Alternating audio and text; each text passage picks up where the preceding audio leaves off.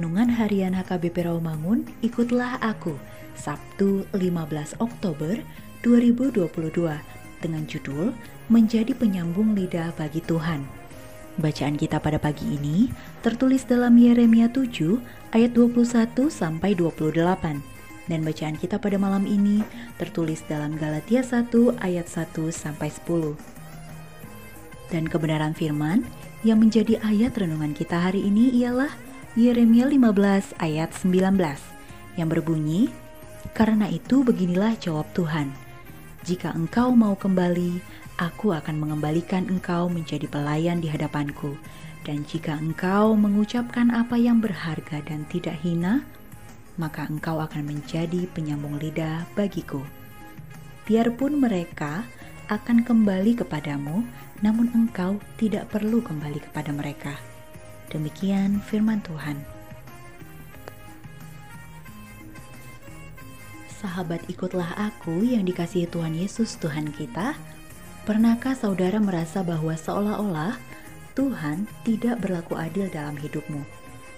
Atau merasa seolah-olah Tuhan tidak berpihak kepadamu saat engkau melakukan kebaikan dalam melawan kejahatan? Seperti itulah kurang lebih nas kita hari ini yakni respon Tuhan akan pergumulan dan pengakuan Nabi Yeremia.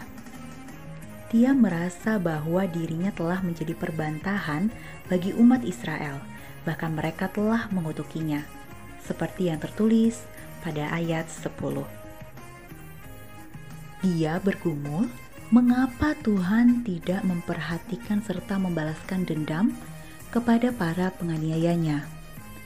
Yeremia telah banyak menanggung celah oleh karena menganggap Tuhan telah melakukan pembiaran akibat kepribadiannya yang panjang sabar, seperti yang tertulis pada ayat 15. Penderitaannya serasa tak berkesudahan, lukanya menusuk sungguh dalam.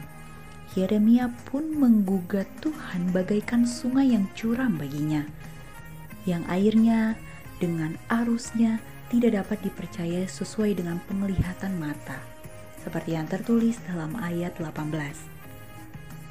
Apa respon Allah? Allah justru memanggil Yeremia, termasuk kita kini, untuk bertobat kepada Allah.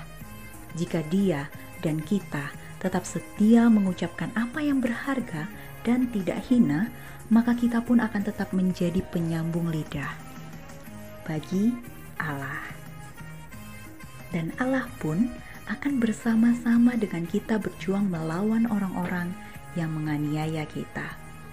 Amin. Mari kita berdoa. Ya Tuhan, jadikanlah aku menjadi penyambung lidah bagi Engkau. Tolonglah aku ya Tuhan, agar memiliki kekuatan untuk melawan orang-orang yang menganiaya aku. Amin.